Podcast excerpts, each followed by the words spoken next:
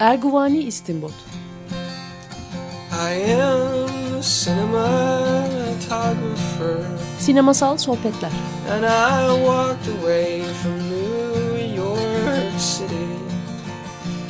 And I walked away from everything that's good.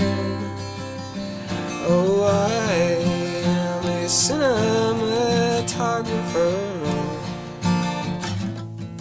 If you were Hazırlayan ve sunan Cüneyt Cebenayak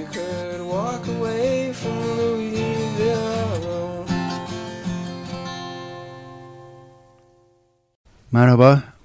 Açık Radyo'da 94.9'dayız. Ee, Erguani Stimbot programındayız. Ben Cüneyt Cebenayan, konuğum Ceyda Karamürsel. Ve birlikte 12 yıllık Esaret 12 Years as a Slave filmini konuşacağız. Hoş geldin Ceyda. Merhaba. Ceyda ile e, yıllar öncesinde ikimiz de yine Açık Radyo'da program yapıyorduk. Senin programın adı neydi? Gaygoni Age. Radyo sanatı üzerine, Radyo ses sanatı. sanatı üzerine bir... Orhan Cemşit'in değil mi? Evet. Hı hı. Ben de o zamanlar sanırım erkekler ve kadınlar ve rock'n'roll'u yapıyordum. İştar Gözaydın, Cem Sorguç'la birlikte. Ahtapot'un bahçesiydi. O muydu? Oydu. Evet. Ha, peki. O zaman daha geç ilk başlarda tanışmamışız demek ki. Ben daha eskiden yani da, yani Ataput'un bahçesinden önce o vardı ya. Evet. evet. Hmm, Neyse. Ee, sen şu anda tarih doktorası yapıyorsun. Evet. Özellikle de konun kölecilik. Kölelik, köle, Kölelik. Hı. kölecilik, e, köle ticareti. Hı hı. Ama Osmanlı'daki. Osmanlı e, bağlamında ama e, bir taraftan da Amerikan köleliğini de e, sistem olarak e, bir sömürü ve e, güç ve şiddet sistemi olarak dahil etmeye çalışıyorum e, kendi tezime. Hı hı. Ee, 12 yıllık esaret bildiğiniz gibi 2013'te e, Oscar, en iyi film Oscar'ını aldı. Aynı zamanda hmm, en iyi kadın oyuncu Oscar'ı da e, 12 yıllık esarete gitti. Biz şöyle bir şey yapıyoruz. E, programımızın konseptinde şey yok. e, herhangi bir işte filmin sırrını açık etmemeye çalışmak gibi bir şey yok. Yani filmin seyredildiği varsayılıyor. E, e, fakat yine de bir hatırlatma babından filmi kısaca bir özetlemeye çalışıyoruz. Bunu istersen sen başla birlikte tamamlayalım falan. Tabii. E, film aslında e, bir e, köle anlatısı denilen bir e, janrının bir örneği e, ne dayanıyor. Solomon Northup e, isimli e, aslında köle ol- olarak doğmamış.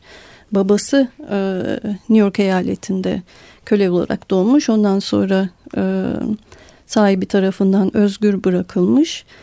E, ve Solomon Northup e, doğduğunda da zaten New York'ta kölelik e, ilga edilmiş e, o noktada. E, dolayısıyla Solomon e, etrafında hiçbir zaman köle görmeden yani doğduğunda zaten kölelik yok ve etrafında köle e, görmeden e, büyümüş. E, hikaye e, Solomon 30 yaşlarında işte kuzeyde New York'ta yaşarken e, bir e, kandırmaca sonucu kaçırılarak e, köle tacirlerine satılmasıyla e, başlıyor. Ondan sonra da 12 sene devam ediyor. İki hatta iki buçuk çiftlik e, dolaştıktan sonra e, bir takım riskler alarak kuzeydeki tanıdıklarına e, haber e, ulaştırıyor ve sonunda kurtuluyor e, esaretten.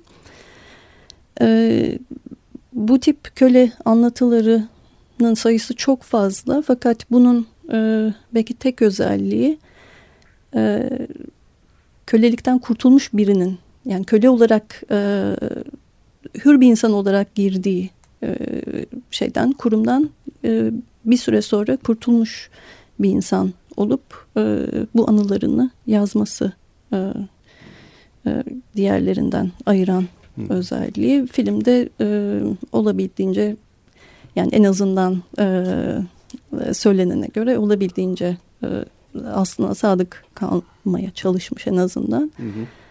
E, bunu bu hikayeyi konu ediyor.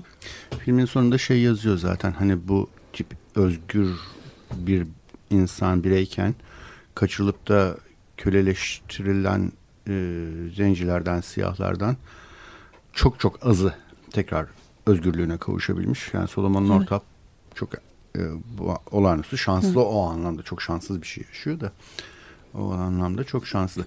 Beni filmde e, ilk başlarda en çok şaşırtan şey New York'taki siyahlarla beyazların ilişkilerindeki eşitlik oldu. Yani filmin yansıttığı kadarıyla son derece eşit bir ilişki var gibi gözüküyor. Ee, yani hani işte biliyoruz ki işte colored, white falan diye ayrımlar var. Ta 1960'lara kadar süren işte evet. güneyde. Ee, aynı yerde taksi bekleyebiliyorlar. Aynı otobüste aynı yere e, aynı bölgeye oturamıyorlar. Lokantalarda aynı bölgede yemek yiyemiyorlar filan. Ee, bu ta 1840'larda New York'ta evet. böyle bir şey yok gördüğüm kadarıyla filmde. Aynı lokantada yan yana yemek yiyorlar işte Sir Mur falan diye hitap ediliyor. ee, bu bana şey geldi biraz şaşırtıcı geldi. Yani sanki tamam özgürdür resmen de ilişkiler bu kadar da e, uygar değildir gibi düşündüm ama herhalde adamlar benden daha iyi biliyorlardır yani. Ee, yani ben de biraz şüpheyle yaklaşmakla beraber e, bu kadar e, eşitlikçi e, olması ihtimali beni de yani biraz e, şüphelendiriyor ama bir taraftan da yani ben biraz böyle tarihsel e, zemininden bahsedeyim Hı -hı. E, istersen. E, kölelik karşıtı hareket abolitionizm aslında çok gerilere e, giden e, bir hareket. Yani 15. 16. yüzyılda hatta başlıyor ama 18. E, yüzyılın sonu 19. yüzyılda e, bir taraftan e, dini grupların işte Quaker'lar gibi, Evangelical'lar gibi diğer taraftan da aydınlanmacıların baskısıyla ciddi bir siyasi harekete dönüşüyor. Amerika'da ki gelişimi de benim aslında yani tahmin ettiğimden çok daha önceye e, dayanıyor. Bağımsızlık Savaşı 1775-83 e, yılları arasında e, gerçekleşen. hemen ertesinde ya da yani savaş devam ederken 1780 yılında Philadelphia, şey, Pennsylvania eyaleti köleliği kaldırıyor. Yani hemen değil ama e, peyderpey kölelik yasaklanıyor. Bunun arkasından Massachusetts eyaleti köle Freedom Suits adı verilen köle mahkemeleri gerçekleşiyor. Köleler özgürlüklerini talep ediyorlar ve çok hukuki bir süreç olarak orada da kölelik sona eriyor. bunlar işte 1780'lerde 90'larda 1799 yılında 98 ya da 99'da New York'ta eyalete yasaklanıyor. Dolayısıyla 13 eyaletin e, koloninin 5 eyaletinde zaten çok erken bir dönemden başlayarak e, yasaklanıyor e, kölelik ve bir noktada e, kölelik güney ile kuzey arasındaki esas çatışma noktasını oluşturuyor. Yani aslında kuzey ile güneyi ayrı aynı ülkeler olarak düşünmek yanlış. Belki bize e, bizi yanlış yönlendiren o köleliğe bakarken onların e, özgürlük alanlarına e, bakarken bahsettiğimiz mesela 1800 şey 1960'lardaki o e, ayrımcılık e, aynı e, okullarda aynı yerlerde bulunamama hikayesi de yine güneyle alakalı e, bir şey. Kuzeyde bu kadar sert değil Yani ben gösterildiği kadar yani senin söylediğini özetlemek gerekirse gösterildiği kadar eşitlikçi olduğunu çok zannetmiyorum ama bizim anladığımız şey özellikle güneyde şey yapan vuku bulan olaylar kuzeyde çok daha nadiren olduğunu düşünüyorum. Peki benim kafamı çok kurcalayan, karıştıran şeylerden birisi de şu. Kuzey ya bana ne güneyde kraliçecilik sürerse sürsün ben kaldırırım niye demiyor da bunlar çok çok kanlı çok acılı çok e, bir sürü beyazın ölmesine de neden olan bir savaşa giriyorlar. Yani burada çok insani gerekçeler mi var? Kölelik olamaz gibi bir Evet. mantık mı var yoksa hani daha Marksist bir e, bakış açısıyla yapılabilecek e, işte ne bileyim ben üretim ilişkileriyle üretim bilişki, biçiminin e, artık uzlaşmaz bir noktaya gelmesi ve işte sermayenin özgür dolaşan emekçilere ihtiyacı olması falan gibi şeyler mi var? Yani aslında e, Solomon yani benim e, fikrime göre Solomon Northup'un hikayesi tam bunun neden olduğunun e, vücut bulmuş şekli gibi. Filmde çok fazla bunun üstünde durmuyor maalesef e, yönetmen. E, ama kitabın e, girişinde Solomon'un e, New York'tan çıkıp e, District of, District of Columbia'ya girişi e, hikayesi var mesela. O sınır çizgisine geldiğinde ki o sınır çizgisinin bir ismi de var e, Mason-Dixon Line diye. O e, kö, özgür e, eyaletleri köle eyaletlerinden ayıran çok net bir çizgi. Daha sonradan da e, iç savaşta da e, o hattı belirliyor savaş. E, onun etrafında e, gerçekleşiyor. E, Solomon o sınırdan geçerken buna tekrar tekrar e, hatırlatıyorlar. Sen e, özgür bir e, eyaletten çıkıp köle eyaletine giriyorsun diye. E, sanki pasaport hazırlanırmış gibi onun özgürlük e, kağıtları hazırlanıyor. Yanına veriliyor. E, ancak öyle geçişine izin veriliyor e, Solomon'un. Geriye dönerken mi aşağıdan geriye özgürlüğe dönerken mi? Hayır, e, aşağıya doğru İnerken. e, inerken. ilk geçişte. Şimdi böyle bir kağıta e, kuzeyde New York eyaletinde ihtiyacı yok. Hmm. Ama e, Washington DC'ye giderken o sınırı geçerken e, böyle bir kağıtla seyahat etmesi Peki gerekiyor. Washington DC güneyde mi kalıyor durum? Güney çizgisinin altında Mason-Dixon Line'ın Öyle mi? altında Ha. kalıyor. Evet. Ben onu düşünmediydim. Washington'a gittiğinde hala kuzeyde olduğunu düşünüyordum. Şöyle ben filmi hatırlamayan arkadaş, e, dinleyicilerimiz varsa hatırlatayım. Adam New York'ta yaşıyor. Bu onu kandıran sirkçiler Evet. onu Washington'a getiriyorlar. Washington Evet. DC'ye getiriyorlar. Ama Washington DC ile New York arası birkaç saatlik bir şeydir. Evet. Ben ve oldukça da kuzeydedir Washington diye düşündüğüm için. Evet hiç ama o çizgide diye düşünmemişim. Çok coğrafi bir kuzeylik güneylik değil o e, çok siyasi biçimde çekilmiş bir Hmm. çizgi E, biraz da karışıklık da oradan geliyor Hmm. kuzey eyaletleri güney eyaletleri kuzeye çıkılınca otomatikman e, kölelik bitmiyor yani çoğu e, eyalet e, köleliği yasaklamış hali hazırda ama bu tam e, şeyle e, coğrafi bir e, coğrafi konumla alakalı değil. Yani o çizgiyle, sınır çizgisiyle alakalı. Washington DC'de dediğin gibi New York'un hemen altında. Hı. Em, ve baktığınızda bayağı kuzeyde ama e, bir güney eyaleti. Hemen altında Virginia. Ondan sonra işte Carolinalar Hı hı. e, devam ediyor. Ve Beyaz Saray'da orada yani. Evet. O da enteresan.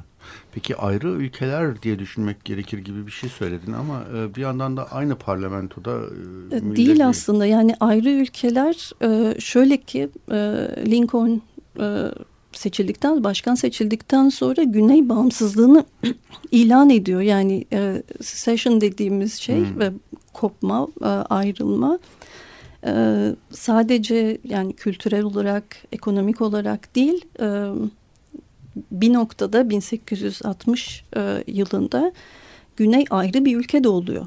E, fiilen, hukuken vesaire e, iç savaşı tetikleyen şeylerden Hmm. en önemlisi de o zaten. E, Ölücüler yani. bö- bölücüler. Yani şöyle bir bağ Ama kölelik adına bölümcüler. Ee, şey e, şundan dolayı bu bende bir şey anlam yaratıyor. Ne bölücü mü var ne bölünmek isteyen mi var ona karşı savaşırız. Ülkenin birliği, bütünlüğü falan filan bu. Ama şeyi hala e, yani bunun bir iyilik için yapıldığına inanamıyorum. Yani hani köleleri kurtarmak adına yapıldığına.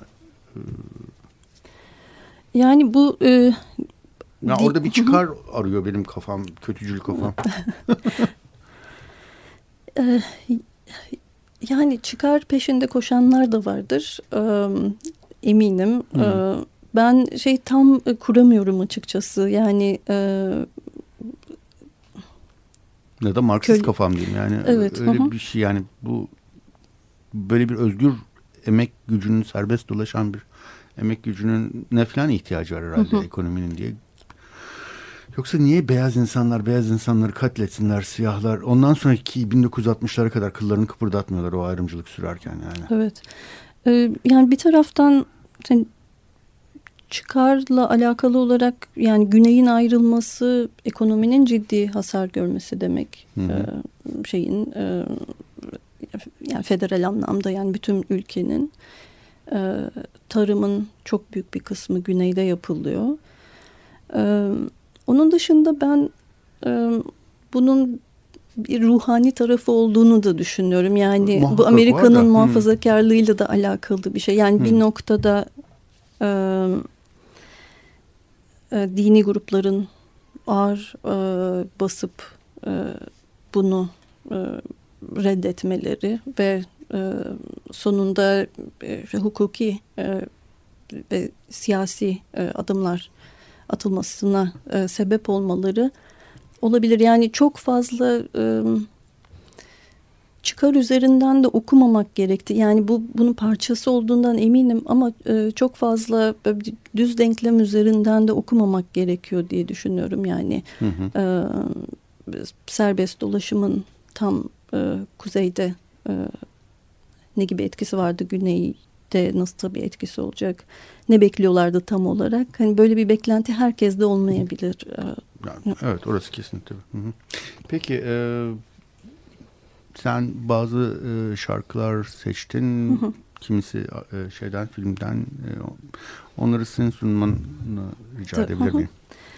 Ee, yani filmde birkaç tane e, kilit e, dediğim şarkılar var. Bir tanesi e, Roll Jordan Roll. E, istersen onunla başlayalım. E, Roll Jordan Roll e, aslında 18. yüzyılın sonunda İngiltere'de e, Metodist bir vaiz tarafından yazılmış. 19. yüzyılda e, e, pek çok sebepten e, Afrikalı Afrikan e, Afrikalı Amerikalı köleler tarafından benimsenmiş. E, hikaye aslında e, İncil'den ya da İncil'e gönderme yapan bir hikaye sözleri daha doğrusu Ürdün Nehri e, İsrailoğullarının e, işte vaat edilmiş topraklara e, ulaşmadan önce geçtikleri son nehir. E, referans biraz o vaat edilen topraklara özgürlüğe ulaşma referansı. Bir taraftan da yani benim okuduğum kadarıyla en azından bir kaçış referansı Hı hı. e, var orada. Ohio ya da Mississippi nehirleri kölelerin kaçış yolları. E, aslında kuzeye doğru çıkarak özgürlüklerine ulaştıkları. Yani referans e, biraz e, bununla da alakalı. Filmde de e, aslında başta değil bayağı sonlarda e, e, söyleniyor. Ama e, burada işte Solomon e, karakteri ilk defa bir şarkıya dahil oluyor. O da Roll Jordan Roll şarkısı. Hı hı. Şimdi onu Dinliyoruz. dinleyelim. 94.9 Açık Radyo'da Erguvani İstinbot programındayız. Ben Cüneyt Cebenayan, konuğum Ceyda Karamürsel'le 12 yıllık Esaret filmini konuşuyoruz. Steve McQueen'in. Steve McQueen yönetmen Steve McQueen bu arada. Kafalar karışmasın. Ee, biraz artık şimdi kölecilikten vesaireden e, gerçi ileride belki Osmanlı bağlamında köleciliğe tekrar döneriz. Biraz filmin e, özeline geçmek istiyorum. Ee, şöyle e, e, yani film üzerine söylenebilecek bir sürü şey var da ben de e, e, bende bıraktığı duygudan söz etmek istiyorum en çok. E, Steve McQueen'in bir önceki filminin adı Utanç'tı. E, orada bir e, ne tanımlanıyordu? Bir tür nenfomanyak gibi diyeceğim. Cinsel bağımlılık mı diye tanımlanıyordu. Sexual addiction Evet, evet. Hı hı. Böyle bir şey diye tanımlanıyordu. Um, öyle bir e, kahramanı vardı filmin. E, onun hikayesini anlatıyordu. Onun ilişki kurma, kuramama ilişkisini, hayatını anlatıyordu. Kardeşiyle ilişkisini anlatıyordu. Patronuyla ilişkisini anlatıyordu vesaire. Ama utanç duygusu e, ağırdı ve ve filmde filmde adına utanç koymuştu e, yönetmen. Bu filmde de ben bana en çarpıcı gelen şey utanç duygusu oldu. Film bence utanç duygusu üzerine bir film. Ee, kölelik üzerine bir film. Tabii beyazların acımasızlığına dair çok çok sert şeyler var, hikayeler var. Ee, e, ama bu film sanki o beyazların e, acımasızlığını anlatmaktan çok köle olmanın utancını, köleler arası dayanışmanın yoksunluğunu e, ve böyle bir ezik ezilmeden geçen bireyin çıktığında nasıl bir utanç içinde olduğunu aslında kendisi bir suç işlememiş olmasına rağmen öyle bir süreçten sürece maruz kalmak orada işkenceye maruz kalmak ezilmeknin bireyde bıraktığı hasar e, üzerine bir film olduğunu düşünüyorum. Çünkü ve çünkü e, bunun en net ifade edildiği yerde filmin finali. İşte Solomon Northup e, 12 yıl boyunca kendi adından bile arındırılmış bir şekilde işte Plat adıyla köle olarak yaşadıktan sonra işte her türlü eziyete maruz kaldıktan kendisi başkalarına eziyet etmek zorunda kaldıktan işte masum bir kadını kırbaçlamak gibi yani acımasız şeyleri yapmak durumunda kaldıktan sonra evine dönüyor karısına çocuklarına ve torunlarına döndüğünde ilk söylediği şey özür dilerim oluyor ve film yine Salomon Northup'un son sözü yani filmin de filmde de söylenen son söz yine Salomon Northup'un ağzından yine özür dilerim olarak çıkıyor. Bu bana çok şey geldi, çarpıcı geldi ve böyle bir filmi ancak ve ancak yine bir siyah çekebilirdi diye düşündüm. Yani bir beyaz e, köle ahlakının düşüklüğü üzerine bir film yapamazdı. Ee, hani en fazla işte bir intikam fantazisi Tarantino vari bir şey yapabilirdi.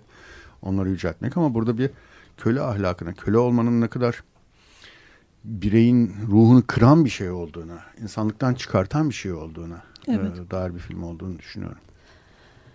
Ee, yani bir taraftan bu filmin sonunda e, dilenen özür e, biraz yani ya da sadece e, birdenbire ortadan kaybolma böyle bir şeyin mümkün olması e, insanların tahayyülünde yokken Solomon Northup bir gün ortadan e, kayboluyor ve 12 yıl sonra yaşlanmış bir adam olarak geri dönüyor. Özür biraz onunla alakalı olabilir. Onun dışında da yani pek çok e, yani o utancın sebebi pek çok şey olabilir. Yani onu biraz konuştuk. Ben e, Utanç filmini seyretmedim ama Açlık filminde bir benzer bir şey vardı. Yani gücün vücut üzerinde bu şekilde kullanılması bir bir hasar yani sadece fiziksel bir hasar yaratmıyor. Başka türlü hasarlar da yaratıyor. Açlık filminde işte Bobby Sands'in vücudu üzerinde bütün yani savaşın son kısmı orada gerçekleşiyordu. Kölelik için aynı şey söz konusu. Yani vücutlar üzerinden yapılıyor bütün e, güç ifadeleri. E, dolayısıyla yani bu e, tam nasıl oluyor da bir e, utanca dönüşüyor açıkçası bilmiyorum ama e, yani dediğin ya gerçekten doğru film e, utanç ifadesiyle e, noktalanıyor. Hı hı. Ben şöyle diye düşünüyorum açıkçası ne bileyim bir kadın tecavüze uğrasa ya da bir erkek tecavüze evet. uğrasa fark etmez evet. bu kimin tecavüze uğradı. O kişi bunun ardından genellikle öfkeyle e, yola çıkmayabiliyor tam tersine kirletilmiş, aşağılanmış Çok, olduğu doğru. duygusuyla e, bir utançla içine kapanabiliyor. Yani, e, bu, bu, bu çok insani bir şey olduğunu düşünüyorum. Yani e, o aşağılayan kişi sizde bir aşağılık duygusu uyandırıyor bir şekilde. Bunu başarıyor yani. Yani e, geçilmez olduğunu düşündüğümüz bir takım sınırlar var. Vücut onlardan bir tanesi. E, işte şahsi haklar, özgürlük onlardan e, bir tanesi. Dolayısıyla Solomon'un kuzeydeki hayatında böyle şeyler varsayılan şeyler. Solomon'un özgürlüğü, Solomon'un işte şahsi güvenliği,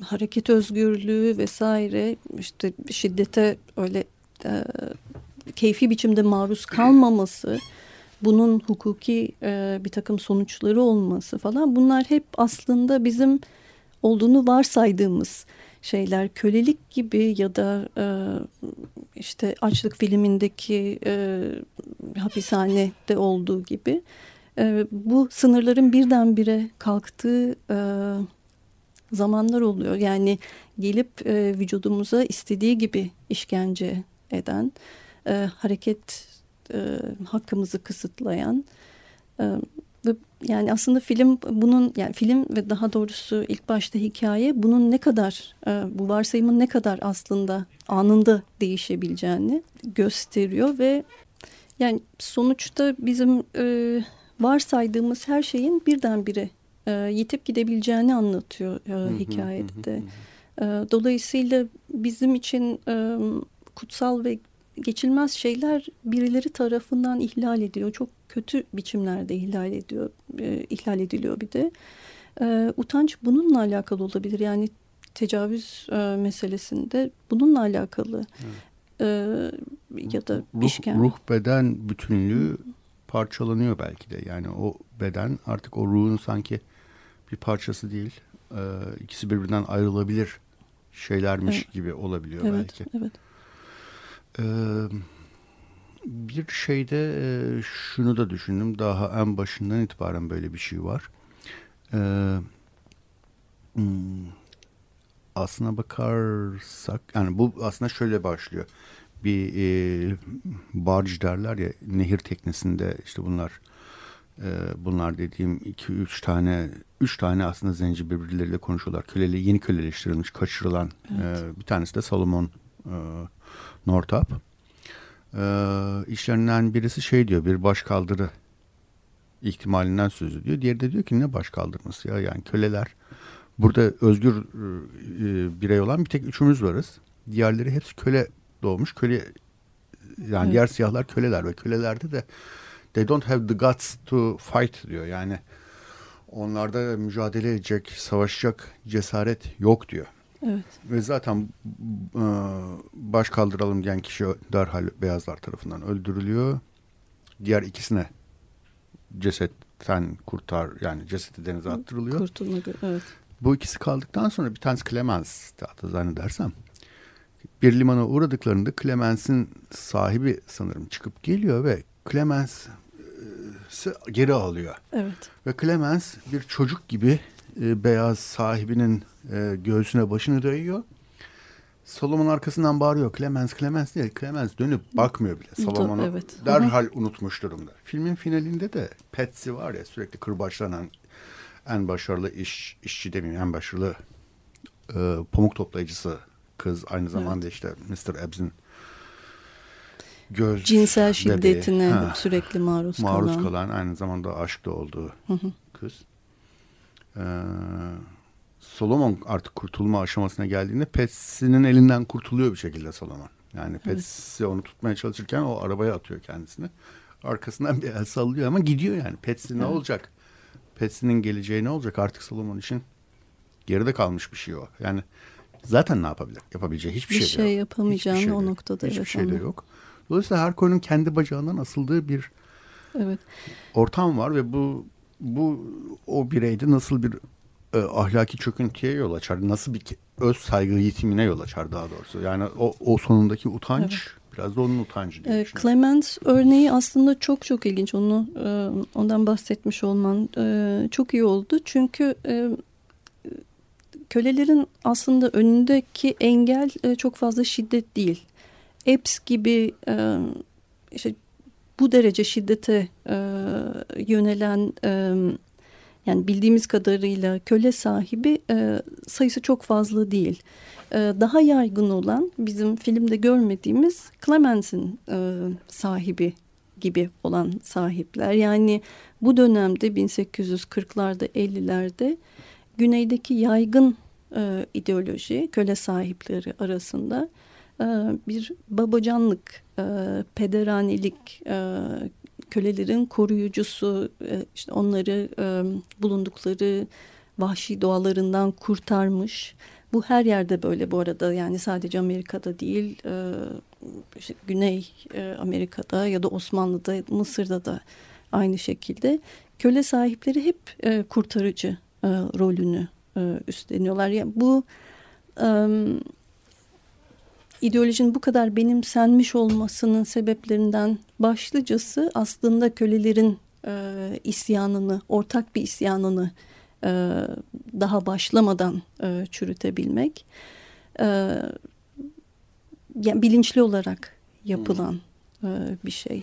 Bir taraftan Zaten da... kimin lafıdır öyle bir laf yok mudur? Yani ezilenler ezenlerin ideolojisini benimsiyor olmasalar düzen süremez. Yani Doğru. Hı hı. kölecilikte de bir köle ayaklanması sayesinde bitmiyor aslında kölecilik. Bittiği zamanlar e, örnekler Hı. var ama e, evet yani Amerika'da öyle bitmiyor. Osmanlı'da nasıl bitiyor? Osmanlı'da bitmiyor zaten. Ona gelelim bakalım. evet. Biz anne biz köle miyiz?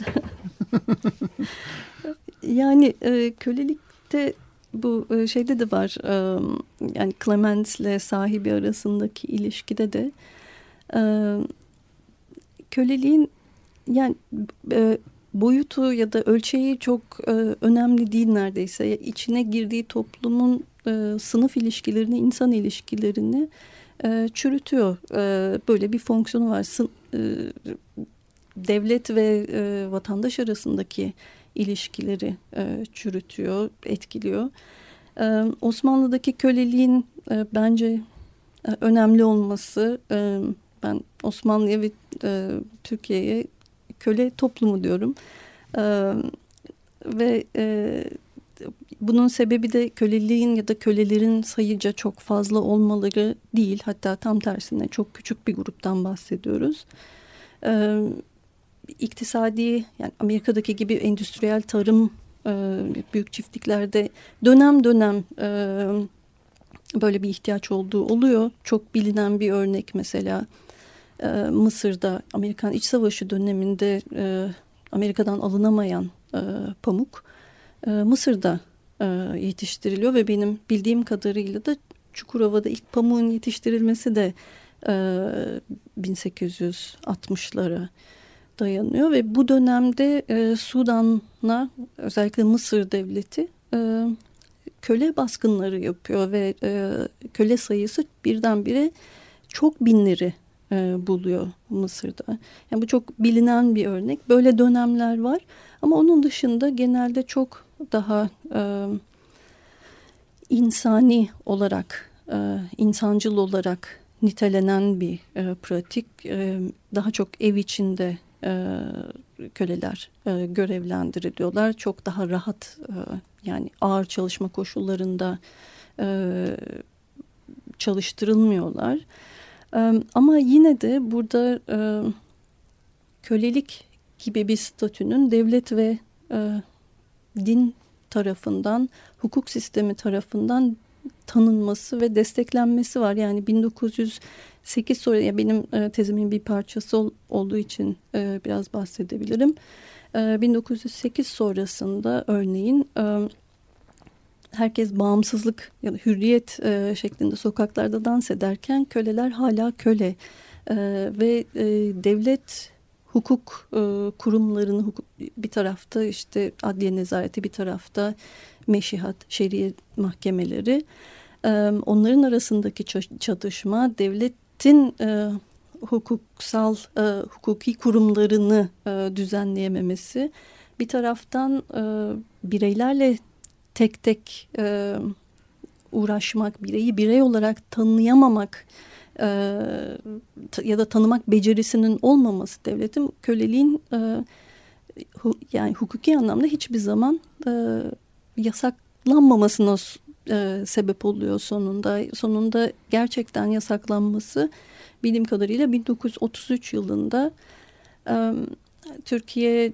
e, Milletler Cemiyeti'nin bir parçası olduktan sonra imzaladığı bir e, uluslararası bir anlaşmayla oluyor. Onun dışında yani Amerika'da 1863 yılında imzalanan e, şey e, açıklanan işte Emancipation Proclamation gibi bir belge hiçbir zaman ya da böyle bir hareket hiçbir zaman olmuyor e, Türkiye'de.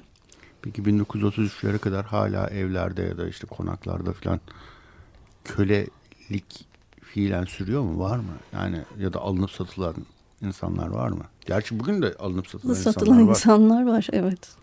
Ee, beslemelik, e, işte e, evlatlık vesaire gibi kurumlar hala var. Yani ben çocukken e, Ya da yani işte eski Sovyetler yıkıldıktan sonra eve gelen çalıştırılan kadınların Evet, pasaportlarına el konulur mesela seyahat Evet. özgürlükleri alenen e, engellenmiş olunur.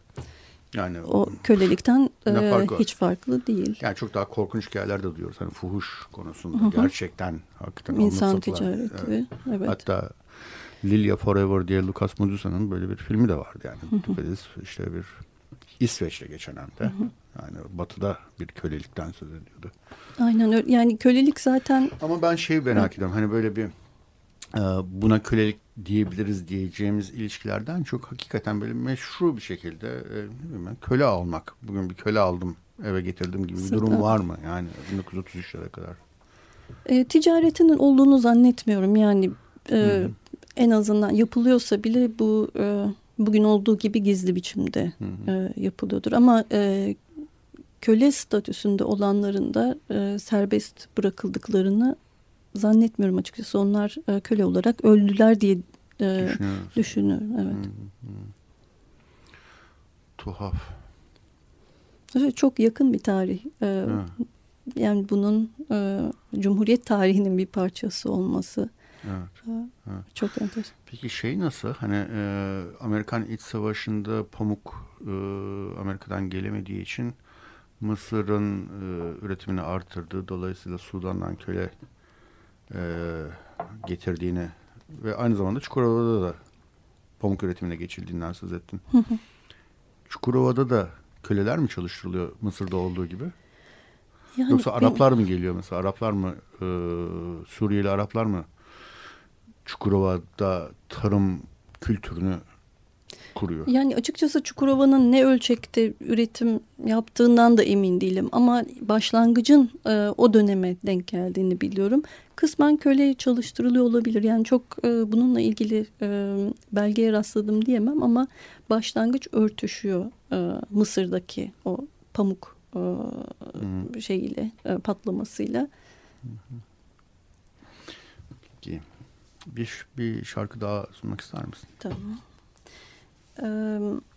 Şimdi şeyde filmde ikinci e, kilit e, şarkı e, bunların as yani e, filmin soundtrack'i için bestelenmemiş olan şarkıların e, çoğu bir toplamadan alınmış. Bu e, kuzeyin e, işte abolitionist kölelik karşıtı grupların karşıtı insanlarından bir grubun derlediği köle şarkıları Slave Songs of the United States 1867 e, yılında yayınlanmış E, ve e, bu anlamda e, Afrikalı Afrikan Amerikan e, e, müziğinin ilk kayıtlı e, örneği.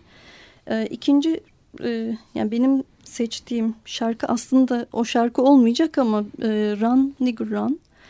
E, bu e, şarkıda ilk e, referans 1851'e gidiyor yani aslında e, Solomon'un e, hikayesinden bir biraz daha sonra ama e, filme dahil edilmiş. E, bu da yine kaçış referansı olan şarkılardan bir tanesi. E, kaçan ya da e, bir sebeple sadece kaçış için değil de e, herhangi bir sebeple çiftlikten ayrılan köleler için belki onlara işaret önceden uyarı yapmak için e, e, ya da sadece e, bunu anmak için e, söylenen bir şarkı Run, e, Run Nigger Run. E, filmde ise çok enteresan biçimde e, bu karşımıza çıkıyor. Solomon e, ilk e, gittiği çiftlikte William Ford'un e, çiftliğinde e, e, e, marangozla e, karşı karşıya geliyor. Marangoz bunlara işi ve çiftliğin düzenini anlatıyor. Ondan sonra da e, işte karşısına dizdiği köleleri e, tempo tutturarak bu şarkıyı söylüyor. Onlarla dalga geçiyor e, açıkçası. Yani e, siz kaçarsanız e, biz de bizim devriyelerimiz de sizi vurur, işkence eder, e, hı. E, kırbaçlar e, hikayesini bu e, şarkıyla anlatıyor. E, şimdi e, ben biraz e, şarkının güzel bir e, versiyonunu bulamadığımdan e, biraz da bana enteresan geldiği için 2006 e, yılında e, Snoop Dogg'un e, söylediği nakarat kısmı e, Run Nigger Run olan e, bir e, şarkı çalmak istiyorum. Şarkı e, The Blue Carpet Treatment e, albümünde e, yayınlanmış. İsmi e, Vato ya da Vato nasıl okunduğunu bilmiyorum ama Chicago argosunda kanka demekmiş. E, dinleyelim. Veto nedir? Pardon anlayamadım ben onu. Ya, kanka mı demek Veto? Ama Veto'nun şarkıyla da alakası ne? E, Veto'nun Veto şarkının ismi ha, ha, nakarat tamam. kısmı. Tamam tamam pardon. Tamam. Okey. Snoop Doggy Dogg'dan dinliyoruz Veto. 94.9 Açık Radyo'da Erguvani İstinbot'tayız. Ben Cüneyt Cebenayan, konuğum Ceyda Karamürsel ile 12 yıllık esaret 12 Years as a Slave filmini konuşuyoruz. Steve McQueen'in bu yıl, bu yıl diyeceğim artık, bu yıl değil mi? 2014 Oscar'ını aldı. Evet. Tabii, tabii. Bu yıl e, en iyi film Oscar'ını alan filmini konuşuyoruz. Ve onun üzerinden kölelik, Osmanlı'da kölelik, Amerika'da kölelik vesaire vesaire. Şimdi sen senin bir tezin var anladığım kadarıyla. Biz evet. köleci toplumuz hala kölelik sürüyor diyorsun. Ben de şöyle bir şey düşündüm. Yine filmden ve kendi deneyimimden yola çıkarak aslında ve nedense aslında çok da konuşulmadığını, üstüne üstlük çok da konuşulması gerektiğini düşündüğüm bir şey var. Biz solcular, sosyalistler, komünistler vesaire hepimiz çok korkunç bir 12 Eylül'den geçtik. Evet. Yani 12 Eylül 12 Eylül'de bitmedi ama aslına bakarsanız işte o kölenin yaşadığı pratikle solcunun yaşadığı pratik aynı. Yani aynı dediğim nedir? Köleyi ne yapıyorlar? İşkence yapıyorlar. E ne yaptılar? Solcular işkence yaptılar yani. Hareket özgürlüğünü kısıtlamadı. Kırbaçlamadı da başka bir şekilde copladı. Falakaya yatırdı. Başka elektrik verdi. Şunu yaptı bunu yaptı. Ee, ondan sonra e, belki e, solcu, sosyalist, komünist örgütlü bir sürü insan o kendi işkencecilerine yalvarmak zorunda kaldılar. Belki arkadaşlarını ihanet ettiler. Belki onların Hı. adlarını verdiler. Verdiler yani şu oldu bu oldu bir sürü şey oldu ve e, sonuçta bir utançla dışarıya çıktılar aslına bakarsan. Yani hiçbir şey yapmamış olsalar bile yani mümkün olan en onurlu şekilde direnmiş olsalar bile kendilerine yapılan bu muamele ve o suçlu damgasının vurulmuş olması onlarda ister istemez bir kırılma yarattığını düşünüyorum. Bir suskunluk bu bizim sinemamıza da yansıyan bir şeydir. Yani hani 12 Eylül sonrasındaki kahramanlar suskun kahramanlardır. Konuşamazlar falan işte yani. Ee, Solomon'un bahsettiği hayatta kalmak. Evet, survive etmek, yaşamak survive değil, survive yaş- etmek, evet. hayatta kalmak. Yani yaşamak arasında bir fark koyuyor şey. Ee, Solomon ben diyor hayatta kalmak değil, yaşamak istiyorum. Benim adım Solomon. Plat değil diyor ama sonra senin adın ne diye sorduklarında plat demeye başlıyor. Evet. Ya yani hayatta kalmayı. Ee, ve ben o travmanın ve o utancın e, konuşulmayan da bir utanç olduğunu düşünüyorum ben. Sürdüğünü de düşünüyorum. Uzun süre sürdüğünü. Belki evet. yeni yeni belki biraz daha kırılmaya başladığını. Ama e, etkisinin çok uzun yıllar sürdüğünü düşünüyorum. Yani şunla iş bitmiyor diye de düşünüyorum. Hani biz kurban değiliz, mağdur değiliz. Biz muhatabıydık 12 Eylül'ün demek çok onurlu bir duruş. Saygı duyuyorum. Böyle bir tartışma oldu. Bilmiyorum biliyor musun? Oğuzhan Müftüoğlu'nun lafıdır bu aslında söylediğim şey. Eyvallah. Güzel bir duruş. Saygı duyulacak bir duruş. Ama tam da öyle değil ya. Yani e, bir mağduriyet var ve bu mağduriyetin hesabını da sormak lazım diye düşünüyorum. Çünkü o mağduriyetin hesabını sormadıkça aslında bu suskunluk, bu utanç e, tamir olmuyor diye düşünüyorum. Belki işte o köleciliğin de doğru dürüst ortadan kalkmamış olması hani ya Birleşmiş Milletler'e giriyoruz. Koşullardan biri de buymuş. Hadi şunu evet, da imzalayalım. Evet. diye geçiştirilmiş olması, evet. o kölecilikle hesaplaşılmamış olması, 12 Eylül'le hesaplaşılmamış olması. başka bir sürü şeyle Ermeni Soykırımla, soykırımıyla hesaplaşılmamış hesaplaşılmamış olması. olması. Hiçbir şeyle hesaplaşılmamış bir toplumdayız. Bir utanç toplumundayız. Yani köleci toplumda Aynen böyle öyle. bir şey herhalde. Aynen öyle evet. Ya. Yani şiddetin katlanarak e, devam etmesi e, bu yüzleşmenin hiçbir e, şekilde gerçekleşmemesiyle birebir alakalı. Hı hı, hı hı.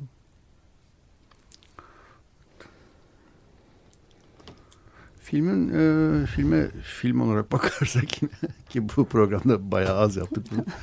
E, en başarısız olduğu yanının ben 12 yıl e, zaman duygusunun içini dolduramayan bir film olduğunu düşünüyorum. Sanki işte hak yerde bir mevsim gibi adam alınıyor işte 6-7 ay bir şeyler yaşadıktan sonra evine geri dönüyor gibi geliyor bana.